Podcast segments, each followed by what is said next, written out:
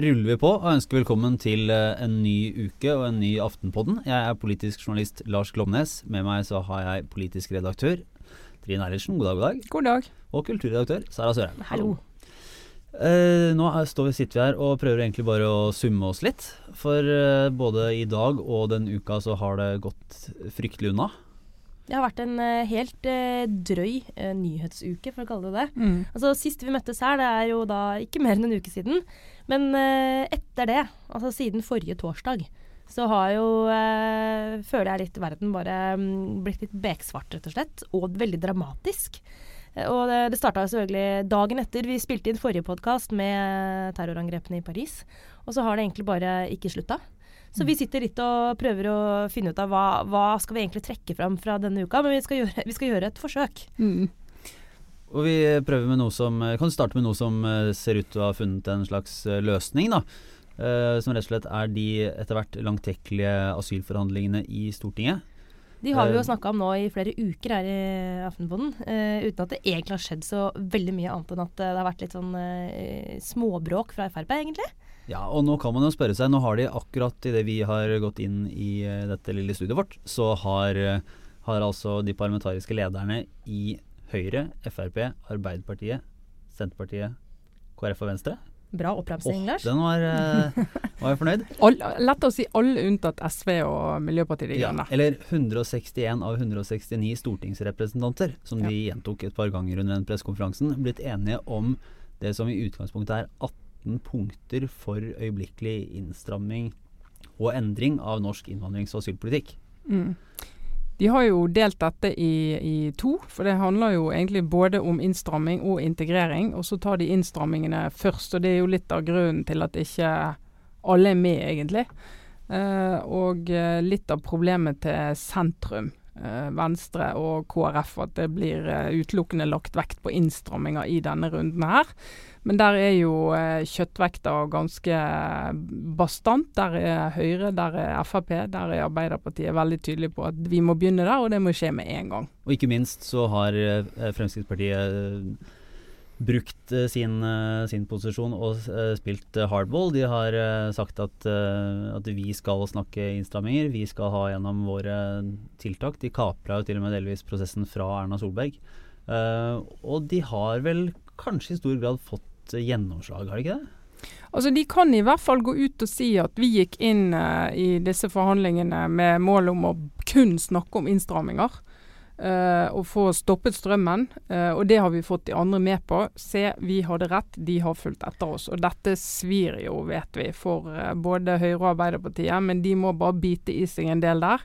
Og, og, håpe at de kommer i posisjon til å få, få sagt noe om denne saken etter hvert. Men tenk så utrolig annerledes den tonen er nå enn det det var i, i høst. Altså tidlig i høst og ut, etter hvert da hvor eh, sentrumspartiene egentlig fikk eh, for så vidt Altså de fikk både jeg tror mange folk med seg, men også ekstremt mye oppmerksomhet for sin, eh, si, sin velvilje i møte med denne enorme utfordringen. da. Og hele den Nå må vi hjelpe, hele den dugnadsånden. Det var vanskelig å forutse i august-september, etter hvert når dette begynte å utfolde seg. Ja, langt utover i, i august, september, oktober, prøver å ramse opp månedene her. Det er ikke så mange uker siden at vinden plutselig snudde. og uh, den gangen var det vanskelig å forestille seg at det skulle ende opp på denne måten. Da. At det er Frp som skulle gå ut som en slags seierherre i, i dette forliket. Det syns jeg er en eh, Det sier litt om hvordan tidene nå har gått gjennom en vanvittig omstilling internasjonalt. For det er, jo, det er, jo, hendelser utenfor Norge som har vært medvirkende årsak til at det landa som det gjorde. Man kan jo lure, Jeg husker jo tilbake til valgkampen. Jeg gikk en av dagene ikke så lenge før valgdagen uh, i Oslo en tur med Carl I. Hagen. Ja. Og skrev saken om hvordan Carl I. Hagens eh, måte, comeback i Oslo-politikken, og egentlig også den nasjonale politikken, var en del av liksom, nøkkelen til FrPs nederlag og hvor dårlig det hadde gått. Uh, og Han erkjente jo at han hadde kommet skeivt ut fra hoppkanten i valgkampen, men han uh, sa jo på uh, klassisk Hagen-vis at, at, ettertiden vil vise at jeg hadde rett. Mm. At liksom, de, om en liten stund så vil folk skjønne hva jeg mente, og at jeg hadde, rikt, hadde rett hele tiden. Er det det vi ser nå? Altså Få timer før eh, dette asylforliket ble presentert i Stortinget, så kom UDI med en uh, ganske oppsiktsvekkende melding. Uh, og De sier det at vi må forberede oss på å ta imot og lage mottaksplasser til 100 000 asylsøkere i 2016. Uh, altså Vi snakker om tall som er så høye, og som kommer til å påvirke så mange områder, så mange sektorer, på kommune, på statlig nivå, langt inn i politikken, at jeg tror ikke vi helt ser eh, rekkevidden av det vi skal inn i, verken politisk eller på andre måter. Det, det, det, det er svært dramatisk. Men er det disse tiltakene, disse 18 med underpunkter og allting, så, så Harald Tom Nesvik, parlamentarisk leder i, i, Fremskrittspartiet, insisterte jo hele tiden på å si at ja, det er faktisk ikke bare 18, det er 24 hvis du regner ordentlig detaljert. Uh, de selger jo dette inn som en, som, en, uh, som en virkelig seier, men det store spørsmålet er jo kanskje har det noen effekt? Tror ikke, jeg tror ikke vi kan svare på det ennå. Eh, hvis vi skal høre på UDI, som selvfølgelig vet eh, hvordan sånne politikkendringer eh, forplanter seg nedover i, i, de landene der folk drar fra, eh, hvordan beskjeden blir sendt nedover, eh, så vil man jo si der at ja, det har en effekt, men når vi ser på de vandringene og det som er Det er på en måte som en, en boble som har sprukket. Eh, og folk har begynt å, å, gå og fly og kjøre og ta båt og, og har tatt beslutningen. Uh, og en del av de opplever jo at de ikke har så mange andre steder å gå, så det er en del av de som henger seg på. Uh, og ser at det er en mulighet for å komme seg opp hit. Så det, altså Selve mottaket og det at vi skal ta imot enormt mange flere enn vi er vant til, det tror jeg faktisk ikke kommer til å endre seg i så stor grad. Det de egentlig snakker om nå, hvordan skal de håndtere det faktum at det kommer så mange flere til, uh, til Norge. Det er ikke lenger et spørsmål rundt altså hele, hele diskusjonen fra i våres rundt 8000 eller 10 000 flyktninger det føles som det er 100 år siden. Det er jo en helt irrelevant problemstilling nå. Som Trine er inne på, det handler mye mer om sånn Dette skjer faktisk. Det skjer nå mens vi sitter her og snakker. Og hvordan skal vi deale med det? Eh, litt mer over i det real, veldig brutalt realpolitiske. Men tror du, jeg bare lurer på, tror dere Fremskrittspartiet har jo tilsynelatende vokst på målingene allerede på denne saken. Um, og nå får de gjennomslag, vil de si det, da, for, for svært mange av sine, sine policyer og sine, sine, syn. Selv om eh, de i Arbeiderpartiet påpeker at dette ligger greit innafor den brede, strenge konsensuslinja som har vært i norsk eh, innvandringspolitikk. Men, eh, men dem om det. Uansett, hvis tallene fortsetter å være så høye som de har vært, kan Fremskrittspartiet fortsette å ha suksess, eller vil det få en slags backlash? Hvis, hvis, tallene ikke går ned, kan de sitte og styre og være et innvandringskritisk parti som skal på en måte være strengest, uh, uten at det har noen effekt? Jeg er spent på det. fordi at Hvis Frp nå uh, veldig, går veldig høyt på banen og sier at vi vant denne runden, uh, vi fikk alle de andre med oss, og det ikke virker, da, da, sliter du med troverdigheten. og både, altså både Arbeiderpartiet og Høyre er partier som uavhengig av hvor Frp hadde vært nå, så hadde de tilpasset sin politikksituasjon. Det har de alltid gjort når det gjelder asyltilstrømning. Uh, de har justert, og de gjorde den rød-grønne regjeringen og SV tok dissens, og vi husker alt sammen. Uh, men uh, hvis Frp nå sitter på en måte i førersetet, for det er jo egentlig det de gjør mm. på dette området. De sitter i regjering og får lov å sitte i førersetet, og det ikke har effekt. Og vi ser at flyktningene kommer, og vi skal få integreringsdiskusjon på nyåret Det blir, den valgkampen frem mot 2017 blir interessant, altså. Men en annen ting er jo det, Hvis vi løfter blikket litt og ser på hva som holder på å skje ikke, Nå er noe asylsituasjonen én ting, men hele, hele, diskusjonen rundt etterretning, overvåkning, eh, forsøksvis eh, forebygging av terror Alt det som nå har kommet opp igjen i kjølvannet av eh, terroren i Paris. Så jeg er veldig spent på rett og slett hvordan klimaet blir om, om uh, terskelen for å innføre f.eks. mye strengere terrorlovgivning, for å faktisk innføre mer overvåkning, som jo noen har tatt til orde for. Uh, ja, F.eks. vår kollega Fridtjof Jacobsen var ganske tydelig i VG tidligere i uka at det eneste som hjelper nå, er uh, klassisk etterretning.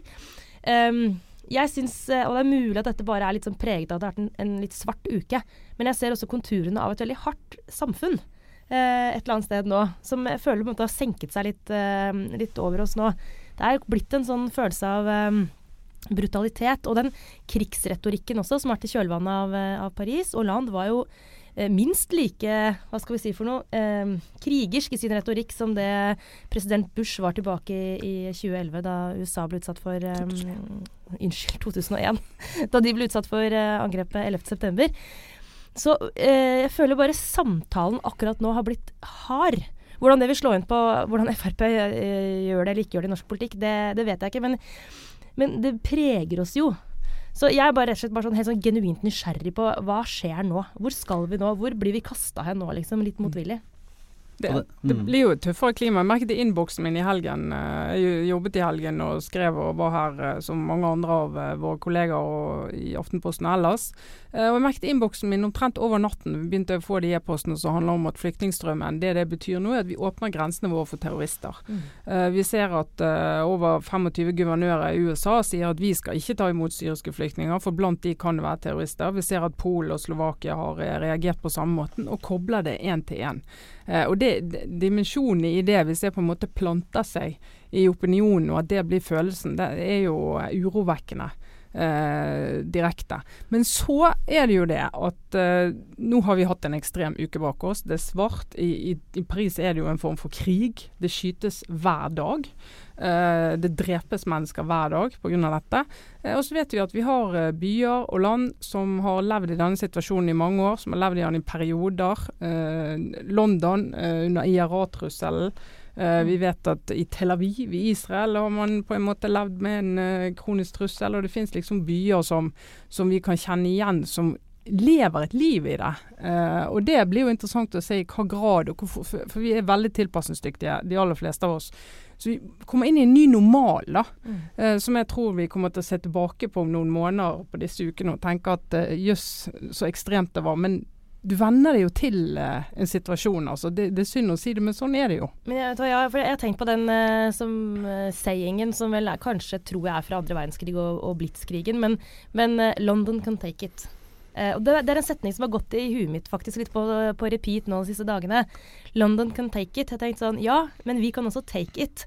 og det handler litt om at det er um, nå sist, nå i Paris, det var, på, det var livene våre som ble angrepet. Da. Det er noe helt sånn det, er, det, det, no, det, er, noe ekstra uh, urovekkende ved at det var, liksom, det var en konsert, det var uh, folk på bar, det var en fotballkamp, det var det moderne storbylivet, det var kulturlivet. Akkurat det du driver med? Akkurat det jeg driver med, faktisk. Fotball, pub og, og det drev med før, Ja, det jeg drev med før jeg fikk barn.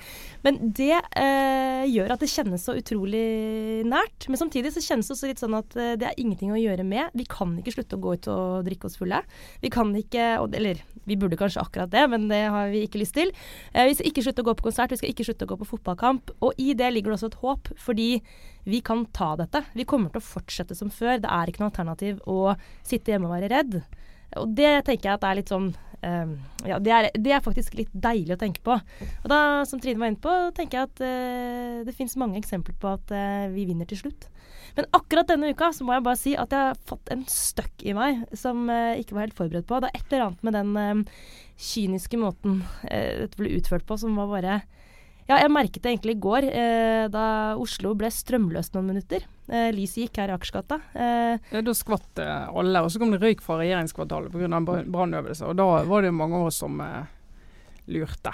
Skal det sitter i kroppen, men vi rister det av oss. Men, men, det er jo, um, uten å skulle bli for storpolitiske, eh, det, det er jo det, liksom, det hverdagslivet, den derre uh, mentale som, som, hver og en har, eller den den der. Men, eh, men det som muligens også er et tidsskille, er jo den faktiske sånn militære bevegelsen som skjer, da, eller etterretningsmessig, eller hvordan, hvordan myndighetene innretter seg. Og det, det kan man jo tilsynelatende se både på liksom, mulige grensekontroller, øh, økt etterretning, bombing øh, fra liksom, dag to i, i Syria. Uh, tror dere det vil vedvare? Bygger det bygger det seg opp til en ny hverdag, selv om man går tilbake til eh, kafélivet og konsertene? Det, det, er jo flere dimensjoner her. Det ene er jo at vi plutselig ser at Russland, USA og Europa, eh, og, og, kanskje til og med Kina, hvis vi begynner å se hvordan Kina re reagerer på at det kinesiske gisselet ble drept samtidig med det, med det, norske. Men i hvert fall de store i Vesten begynner å nærme seg eh, hverandre, snakke sammen på en måte som de ikke gjorde for 14 dager siden. Mm. Uh, og snakke om å møte denne trusselen sammen. Og det, det, Inni der er det noen dimensjoner som vi ikke helt uh, aner rekkevidden av, men som jeg tror blir uh, ganske heftig. Uh, Russland hadde gjennomført 2300 tokt på 48 dager over Syria, bombetokt. Det, det er vanvittig mye. Uh, og uh, på etterretningssamarbeid, altså den lysten og viljen til å dele etterretningsinformasjon, uh, som har vært veldig sånn forskjellig mellom land. altså Frankrike og Danmark har vært veldig villige til å dele med, med USA. andre land i Europa har vært litt mer tilbakeholdne, men jeg tror den viljen og ønsket om å gjøre det kommer til å bli sterkere. Så vi kommer til å få en sånn heftigere etterretningsdiskusjon. og så er det det med grensene. da. Er, er egentlig Schengen brutt sammen? Er, er det europeiske ideen om en fellesgrense, er den brutt sammen? Akkurat i øyeblikket er den jo det. Uh, og kan den gjenopprettes? Det er kjempesvære spørsmål som uh, skal besvares. da. Vi vil ha raske svar, Trine. Veldig ja, raske svar. Ja, Vi får ta lage en ny podkast i morgen. Men nå kaster jo nyhetsbildet om på seg med så stor hastighet også at Uh, det er faktisk litt sånn Akkurat nå har jeg litt den der skjebnetid-følelsen. At uh, ting kan endre seg veldig fort. Og mm. i går kveld, når uh, den triste nyheten kom om det norske gisselet som var henretta, så ble Norge trukket raskt mye nærmere sentrum i denne konflikten. da.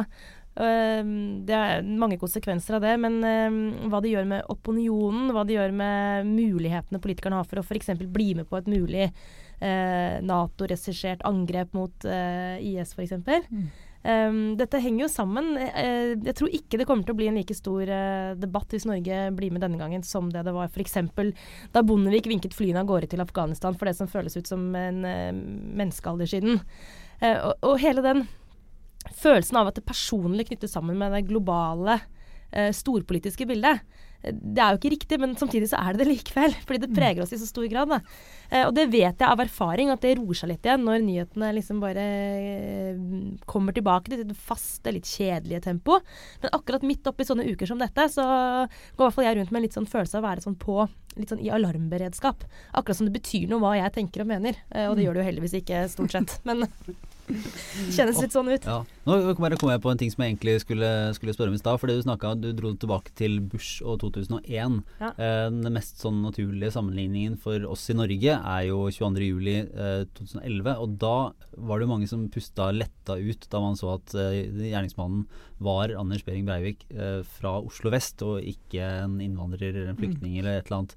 Eh, men det vi ser nå er mye hardere retorikk. Mm. Ser, vi i, uh, ser vi på en måte måten måten vi ville reagert på hvis det hadde vært noen andre i 2011? Jeg tror ikke vi skal innbille oss at vi er bedre enn resten av Europa eh, på det området. Uh, og jeg tror vi ville fått en mye mer hatsk debatt hvis det hadde vært et islamistisk angrep den gangen, som mange trodde de første timene. Og som mange fryktet de første timene. For da tror jeg vi så dimensjonen av at Norge ville bli over natten et annet samfunn.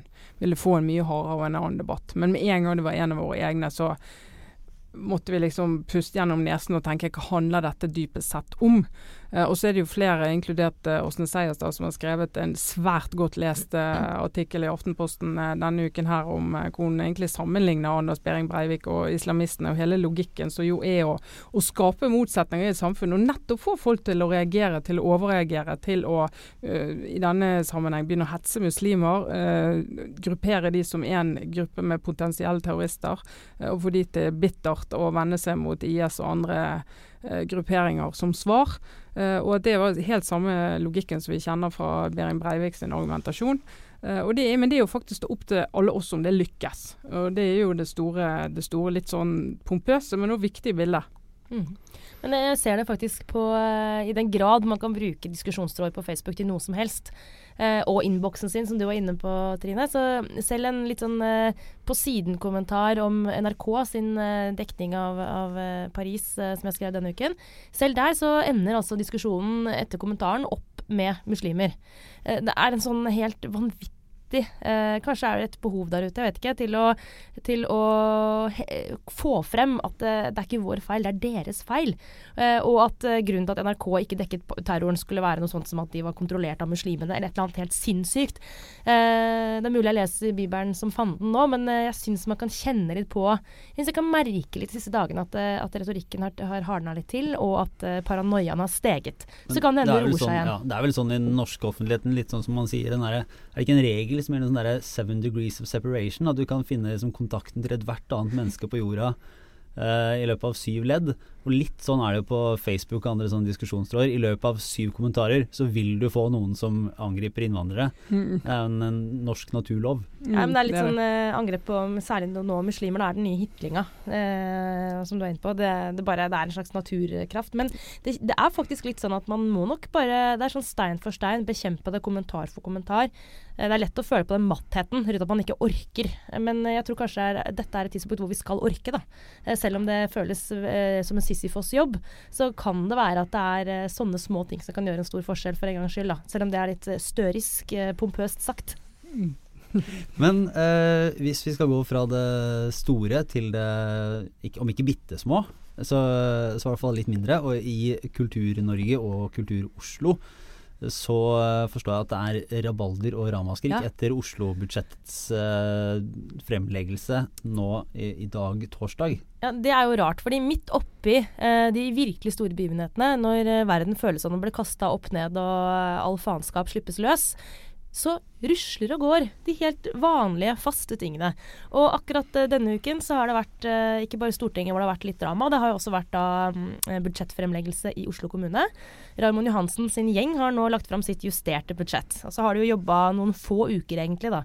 21 så, dager. De har gjentatt det til det kjedsommelige. At ja. de har jo bare holdt på i 21 dager. Mm. Så vær litt snille med oss. Hvor mye penger fikk de flyttet på totalt? Du må ikke spørre om, Trine. Ja. Jeg har jobba med, med, større og ja, jævligere ting i hele uka. Du kjepper rundt 60 milliarder er det i hvert fall. Så nå mens du snakker, Sara, skal jeg sjekke det, sånn at uh, lytterne ikke tror at vi ikke driver research før vi går i studio. For det gjør vi jo selvfølgelig. Men i mellomtiden kan jeg fortelle at uh, av mange ting som de da har endret eller ikke endret på i budsjettet, så har vi merket oss i dag i kulturavdelingen her i huset at Deichmanske bibliotek, uh, som jo er påbegynt, altså de har begynt å grave et høl i bakken nede i Bjørvika, hvor det nye biblioteket skal bygges. Det er et prosjekt som uh, jeg vet vi kommer til å skrive om i tiden som kommer, fordi vi har bare så vidt begynt å se på hvordan det har vært styrt fra Oslo kommune. Der er det mye å hente. Der har de allerede sprukket med 400 millioner på budsjettet. Eh, det er et konservativt, litt forsiktig anslag. Men poenget er at eh, de nye sjefene i Oslo har arva dette prosjektet fra, fra, de gamle. Og er ekstremt skeptiske. Så det som har skjedd helt konkret, er at eh, de der 400 millionene som de mangler for å fullføre byggingen av nye Deichman, de er tatt ut av budsjettet. Altså de er ikke budsjettert inn, er vel mer presist beskrevet. Og det er nå full usikkerhet rundt om det nye byrådet vil eh, fortsette å bygge Deichman, eller om de vil prøve å finne en annen løsning og prøve å omregulere den tomta til I don't know, kjøpesenter eller noe annet. Eller en liten hage. En liten sånn Miljøpartiet De Grønne-parsell. For eksempel. Ja, det er jo ikke helt umulig. Men det vi ser nå, er altså muligens det nye Ditten-hølet. Hvis noen av dere husker det. Som var et sånt svært veikryss i Oslo som uh, aldri ble ferdig. Jeg tror det lå nede ved Spikerstuppa. Det er min barndom, dette her. Men vi ser nå som sagt, konturene av en uh, aldri så liten uh, byutviklingsskandale og et gigantisk høl i bakken som ingen veit hva de skal fylle med. Så det er litt uh, det vi har snakket om i den lille fliken av verden i dag. kommer en sak om det i Aftenposten som vel er ute nå, og den følger vi opp. Så byrådet de har iallfall om ikke annet så har de i hvert fall skremt opp noen kulturfolk i dag. Og hvor mye de flytta på, det får vi aldri vite, Trine. Nei, vet du, vi må komme tilbake til Oslo-budsjettet. Vi, vi, må rett og slett komme tilbake neste podkast. Jeg sitter og scroller her nå på sidene, og det er mye interessant der, men akkurat det har jeg ikke. Nei. Det tallet er ikke her, så jeg får skylde på noen andre. Men de kan jo på samme måte som Sigve Brekke, eh, fordi vi er også inne i en fase nå hvor vi kan ikke unnlate å komme litt inn på Telenor. Nei. Men jeg tror både Raymond Johansen, Sigve Brekke og en hel haug med andre folk Uh, de, nå, det jeg skal si nå, kan man ikke si, for de kan jo ikke takke for det som har skjedd eh, i verden. Så, så, kyniske tror jeg ikke de er. Men de kan i hvert fall merke seg at eh, fokuset på hva de holder på med, er jo langt mindre nå pga. det som skjedde i Paris. Men Kapital, de aldri hvilende små tjenerne til Trygve Hegnar, de har jobbet jevnt og trutt med, med, å avdekke trøbbel eller feil og mangler ved Sigve Brekke, og hadde i dag en sak om at han har juksa på CV-en sin. Ja, den, ja, det, var, det, har vært så mye krise at jeg hadde helt eh, glemt den saken da vi gikk gjennom litt hva vi kunne ta opp i dag. Men det, det, den er jo også en viss nærhet til meg, for han har jo da tydeligvis jugd, seg, uh, på seg en fullført utdannelse fra mitt hjemsted, Bøy Telemark. Og det som er så gøy med den saken, er hvis du skal eh, ljuger på deg en mastergrad. En, Eh, bach som- en bachelorgrad. Bachelor. Bachelorgrad, til og med. At du ljuger på deg en bachelorgrad fra Høgskolen i, i Bø i Telemark. Det synes jeg nesten- Distriktshøgskolen. Ja. Distriktshøgskolen. Det syns jeg faktisk er litt sånn nesten litt koselig. Jeg kjenner at jeg, jeg tenker bare OK, vet du hva, den skal du få. Det er, det er helt greit. Vær så god. Ljug det på deg. Hvis det var det som ga deg toppjobbene. Så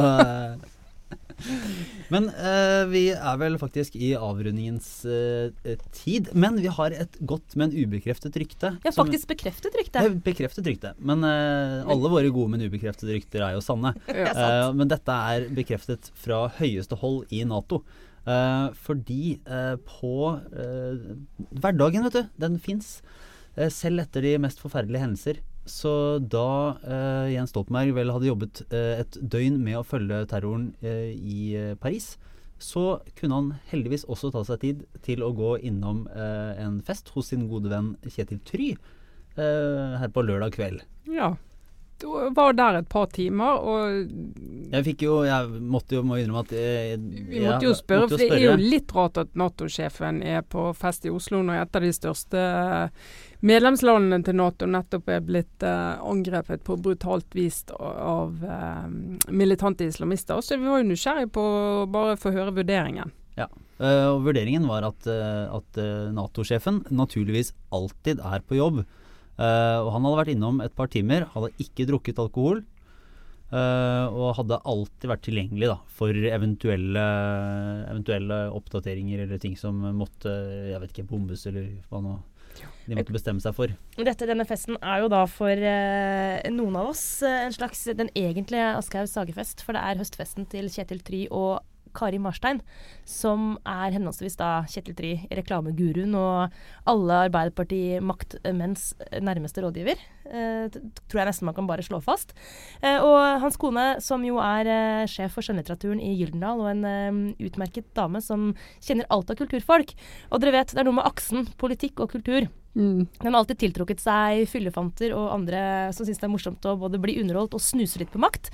Så den festen, den, eh, den invitasjonen til den årlige festen der, den henger veldig høyt. Eh, Jeg kan jo allerede nå si at jeg var ikke invitert. Det Gi for Eh, høyt for alle oss. Det henger for høyt for alle oss. Eh, Men det er tydeligvis noe som selv Nato-sjefen i en, krigssituasjon, som han jo egentlig var midt oppi, prioriterer. Og bedre, hva skal jeg si, eh, vitnemål for festen din kan du vel egentlig ikke få. Bortsett fra at han måtte holde seg edru, da. Så det var kanskje Ja. litt kjedelig. En av de mange festene i Oslo der eh, eliten samles, og det er den eliten som kjennetegnes ved at de nekter å erkjenne at de er en elite. Så det er morsomt. Det er sær-oslosk. Ja, og, og da kan vi vel uh, avslutte med det med en annen uh, er det, det, er, det er ikke et elitetreff, er det det? Uh, det som skjer på Kulturhuset i Oslo 16.12. Uh, når eh, vi rett og slett har en liten eh, samsending live med våre venner slash fiender i uh, podkasten til VG, Jæver og Joffen. Så da møter, møter Aftenpodden Julejoffen i Jeg har et, et eller annet annet navn også. Men eh, i hvert fall klokken seks 16.12. Uh, Og, og det er jo ikke lov å drive alkoholreklame, men jeg kan bare si at det er jo ølsalg der, bare for de som ikke visste det. Vi kan si at hvis eh, Stoltenberg kommer eh, dit, så skal han få en øl. Eh, og med det så takker vi for oss for denne gang. Det var Sara Sørheim, Trine Eilertsen og jeg, Lars Klomnes. Ha det bra.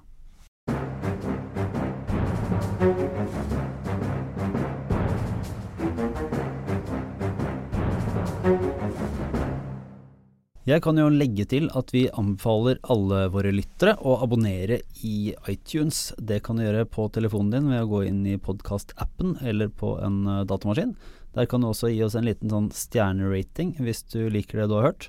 Eh, Og så kan du gjerne følge oss på Twitter. Der er vi rett og slett Aftenpodden.